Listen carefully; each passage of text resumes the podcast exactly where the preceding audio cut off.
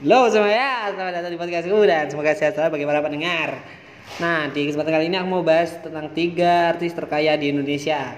Yang di urutan ketiga ada Inul Daratista, sosok penyanyi dangdut yang kiprahnya terus melejit dari waktu ke waktu ini termasuk dalam deretan seleb Indonesia yang memiliki kekayaan sangat fantastis. Ditaksir kekayaan Inul saat ini mencapai 300 miliar rupiah yang ia dapat dari tingginya jam kerja di layar kaca hingga bisnis karaoke.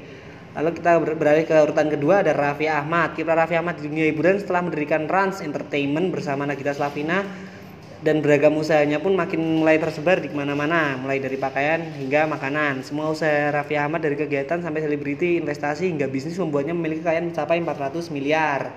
Lalu di urutan pertama ada Agnes Monica. Siapa yang tidak kenal dengan sosok ini? Kiprahnya di dunia tarik suara berhasil membawanya terkenal hingga mancanegara. Tak main-main kekayaan Agnes mencapai 452 miliar rupiah membuatnya dinobatkan sebagai artis paling kaya di Indonesia. Nah, berikut deretan artis-artis terkaya di Indonesia. Terima kasih guys.